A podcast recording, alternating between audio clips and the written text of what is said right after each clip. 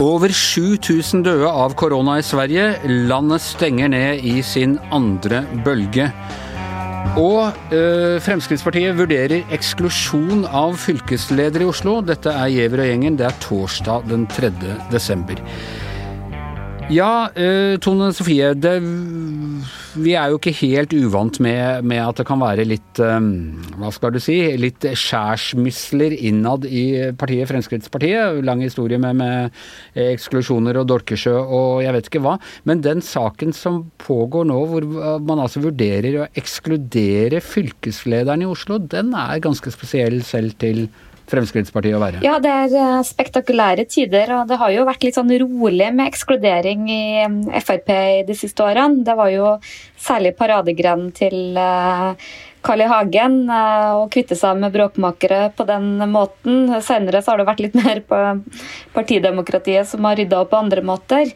Men i ettermiddag da, skal altså Oslo og Frp møtes for å diskutere denne eksklusjonssaken som organisasjonsutvalget i Frp de har jo som vanlig travle tider med å ta unna alt, alt bråket i Frp. Og, og, det det ligger an til, er at partiet ønsker å ekskludere han. Og, og bakgrunnen for det er Det er ikke noe varslinger eller noe sånt som vi gjerne forbinder med det, men rett og slett at han oppleves som illojal med partilederen, og, og, og, at han politisk ikke forholder seg til partiprogrammet. Og han har altså det var, Og det er en god stund siden hvor han gikk ut og sådde tvil om, om partileder Siv Jensen fortjente å stå på sikker plass på Stortinget for Fremskrittspartiet fra Oslo. Hvorfor har dette tatt så lang tid? Nei, Det gjorde han jo allerede i sommer. og Da måtte jo fylkeslaget rykke ut og si at hun selvfølgelig skulle være på topp, men han har jo på en måte ikke hitt seg med det. Han, eh, nylig så kom han jo med et eh, nytt utspill som eh, ble tolka i den retning, og det har også vært en rekke andre kontroversielle saker. Det er jo ikke lenge siden at Sylvi Listhaug måtte rykke ut da han mente at valget i USA var rigga, eller at det var valgfusk. Det er kontroversielt sjøl i, i, de kretsene å, hevde det. og Altså, men jeg tror det som fikk dråpen til å renne over, er når han nå sa at det burde være det her det nasjonalkonservative trekløveret bestående av han sjøl, Carl I. Hagen og Christian Tybring-Gjedde, som burde bekle toppen. Og, det mange i partiet begrunner det med, da, er på en måte at han er en litt sånn oppvigler opp, som er illojal med partilederen, men også det at han i sak etter sak åpent utfordrer partiprogrammet. Så de mener at han rett og slett må komme seg ut av partiet og finne seg et, et parti som er mer likt det han sjøl jobber for. Men det er jo litt fascinerende, fordi dette trekløveret og de meningene det markedsføres ofte av at det er de som virkelig tør å si hvordan tingene er, og de, de pakker det ikke inn. Og, og ja, man har jo man har sett på liksom Sylvi Listhaug litt som, som en av, av den gruppen eller den fløyen i Fremskrittspartiet. Men Fremskrittspartiet i Oslo har jevnt over gjort det mye dårligere enn Fremskrittspartiet i den nasjonalkonservative fløyen har liksom gjort det dårligere enn partiet i resten av landet? Ja, og det er jo det som er liksom deres veldig dårlige argument. For Oslo Frp har jeg ser mange på høyresida bruker ord som branntomt. De har i hvert fall gjort det veldig dårlig både ved valg og målinger. Og også slitt veldig med sin attraktivitet. Men det er ikke så enkelt for også de andre storbyer. Bergen, Trondheim De ligger ikke veldig mye bedre an enn det Oslo gjør, så de har helt åpenbart et storbyproblem. Og så kan også litt sånn Frp-leder Siv Jensen og, og, mange av de moderate takke litt seg sjøl, for de har egentlig latt den gjengen her ha litt sånn hjemme alene-fest. De har øh, skydd å ta verv i Oslo Frp og latt denne fløyen av partiet få, få dominere eh, Oslo Frp, og ikke, ikke grepe inn. For det, for det, er jo et ganske dramatisk skritt å, å gå og faktisk ekskludere en fylkesleder som faktisk er lovlig valgt. Og det som kanskje også bør bekymre partiledelsen, er jo i hvor stor grad blir det liksom ro om at han ble ekskludert, og i hvor stor grad vil det her være å å vekke en litt sånn sovende bjørn. For det er også en sånn betydelig misnøye langt utover Oslo Frp, og ikke minst nå etter denne budsjettforhandlingene. Og man ser jo at uh, Senterpartiet har åpenbart De lekker til Senterpartiet. Senterpartiet har klart å, å, å fylle litt det um, populistvakuumet uh, uh, i norsk politikk. Vil det ikke da være fristende å tro at istedenfor å løpe etter, etter, Senterpartiet med litt sånn sukkeravgifter og, og, den type ting, at det, vil, at det vil være noe å hente på en sånn mer nasjonalkonservativ eh, linje? Og én ting er at det ikke funker i Oslo, men at det kanskje kan funke bedre andre steder i landet?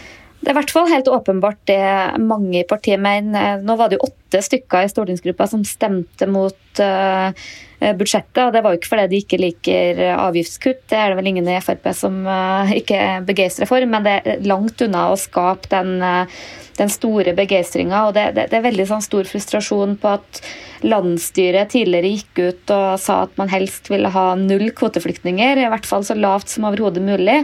Så kommer man altså ut med et budsjett hvor det fortsatt er 3000 eh, kvoteflyktninger. Bistandsbudsjettet er ikke rørt, det er bare ommøblert eh, litt. Og det er helt klart at det provoserer eh, deler av det partiet, så tror jeg nok at mange hadde nok ønska å påføre KrF og Venstre et liksom, større nederlag eh, på asylområdet. Og, og, det er en sak som eh, som er fryktelig krevende for Frp. for Særlig i de delene av landet hvor de gjør det veldig bra, på Vestlandet og sånn. Der er ikke folk veldig opptatt av innvandringspolitikk, men mange, mange partier er det. Og, og, og, for dem så er det liksom omtrent bare blanke seire der som teller. Men også har vi altså da sett i løpet av den siste uken at uh, fylkeslederen i Oslo stilles for eksklusjonspeletongen, holdt jeg på å si. Uh, uh, Jon Helgheim fra, fra Buskerud ble ikke, og som har vært den tydeligste og, og vil si mest radikale i det etablerte partiapparatet om på innvandringsspørsmål. Han ble ikke renominert til Stortinget. Riktignok hadde ikke direkte med det å gjøre, men han er i hvert fall da nøytralisert. Og, og Sylvi Listhaug ser jeg får kjeft på sånne steder som Dokument.no og sånne steder for at hun liksom kasta, har kasta fylkeslederen i Oslo øh, foran bussen, og at hun, øh, at hun nå liksom er, er, for moderat. Betyr det at den fløyen i Fremskrittspartiet rett og slett har, øh, har tapt viktige, en viktig krig? Det kan kanskje se sånn ut, men jeg tror litt av grunnen til det Jeg tror problemet til Ugland Jacobsen er ikke Eh, først og fremst innvandringssynet, men hvordan han så åpent har eh, utfordra Siv Jensen. Eh, det er vel hovedproblemet hans, tror jeg. Ja, I likhet med en del andre ting. Helgheim handler jo om noe helt annet, men jeg tror Frp sliter litt med at det er veldig lite temperatur rundt innvandringspolitikken om dagen. Og jeg tror også at det var grunnen til at Siv Jensen ikke orka på en måte å gå enda mer i krig med regjeringa om det, eller, eller uh, ha noen regjeringskrise. Folk er opptatt av korona, folk er opptatt av uh, julebordene. Uh, det, det, er veldig lite rom for rom for det, så er det liksom det realpolitiske. Det kommer ingen uh, flyktninger uh, nå.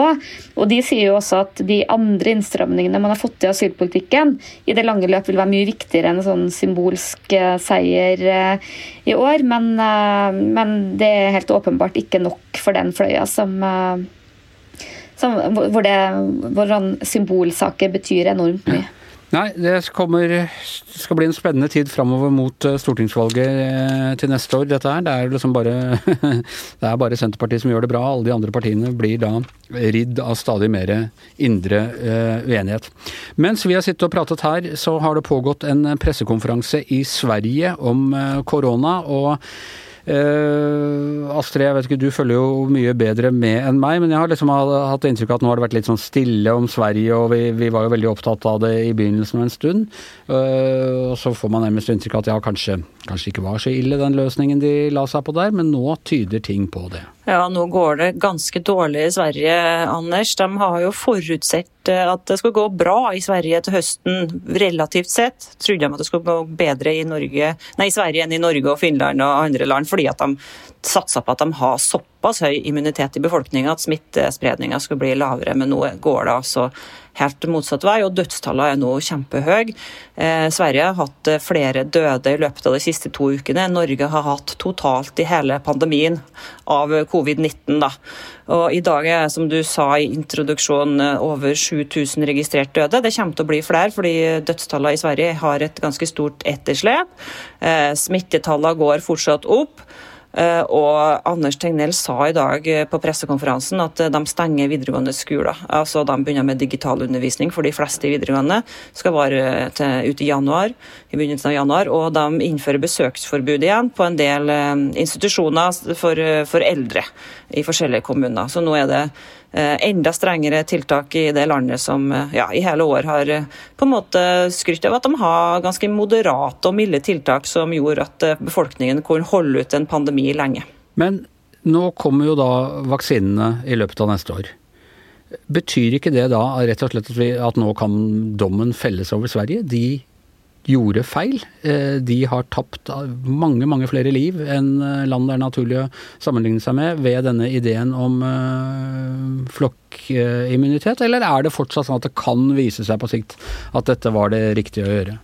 Du, Anders, har gjort feil på feil på feil. Det er helt forferdelig hvor mye feil de har spådd. Altså, nå er det jo lov i vitenskapen, og du må jo bare lage prognoser. Det kan selvfølgelig slå feil. Det kommer litt an på hvordan folk oppfører seg. ikke sant? Selv om du innfører regler, så er det ikke sikkert det føles og sånn. Men, men spådommer om at uh, høstbølgen ikke skulle komme, var jo feil. Spådommer om at immuniteten var skyhøy, den var jo feil. Uh, men Anders Tegnell forsvarte seg i dag med at det er Norge og Finland som er outliers. Det er dem som er spesielle i det her koronaleget. Uh, og Sverige er akkurat omtrent Eh, på samme nivå som alle andre land som han ønsker å sammenligne seg med. altså Storbritannia, Italia, Spania, Nederland, Belgia. USA. Og der har jo Anders Tegnell et poeng. Absolutt. Norge og, Is eh, Norge og Finland og, og, en del andre land. Island. Låge dødstall. Altså Norge er nesten på bunn på dødstall og lav smitte i, i, ja, i hele verden, kan du si. Men hva med Danmark f.eks., sammenlignet med Sverige? Jo, Der er det litt vanskeligere å forklare, da, fordi at um, poenget til Tegnell er at denne smitten smitten brer seg i storbyer spesielt, med tett Eh, tett eh, bosetning. Ehm, og Derfor er det mindre i Finland og Norge eh, og Oslo og Helsinki enn det er Stockholm. Man vil absolutt ikke sammenligne de hovedstedene. Men når det kommer til Danmark og København, så er det jo litt vanskeligere å komme seg unna. For der er det jo For de har lavere, mye lavere dødstall enn Sverige, de ja, også? Men de er mye høyere enn Norge igjen, da. Så de er en mellomposisjon. Så jeg tror nok kanskje at Anders Tegnell har rett i det at det er en hel haug med andre ting enn tiltak som blir avgjørende for hvor ille det blir i et land.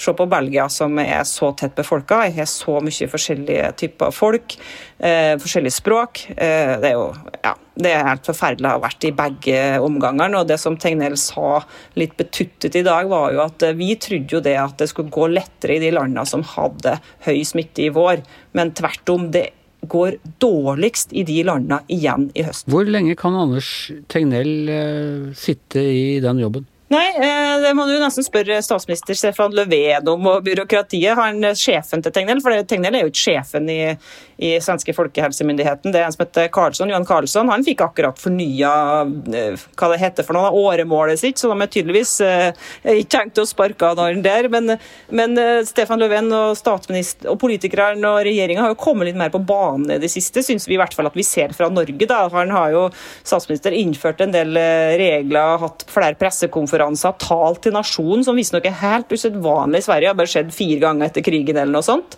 Eh, så nå er det strengere råd, strengere regler, det er loven i hånd. og ja, Vi får se. VG er på reportasjetur i Sverige i dag, så vi får sjekke om eh, hvordan det egentlig er på restauranter, på Sats i Sverige og på kjøpesentre. Jeg er ikke helt sikre. Hvor mange får de lov til å være på julaften, og hvilke julesanger har de fått lov av regjeringen å synge?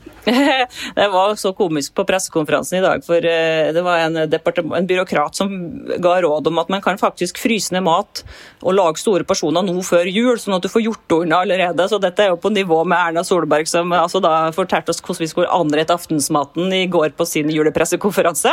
Eh, så det er litt komisk med sånne politikere, blitt sånne eh, guvernanter og overhusholdersker.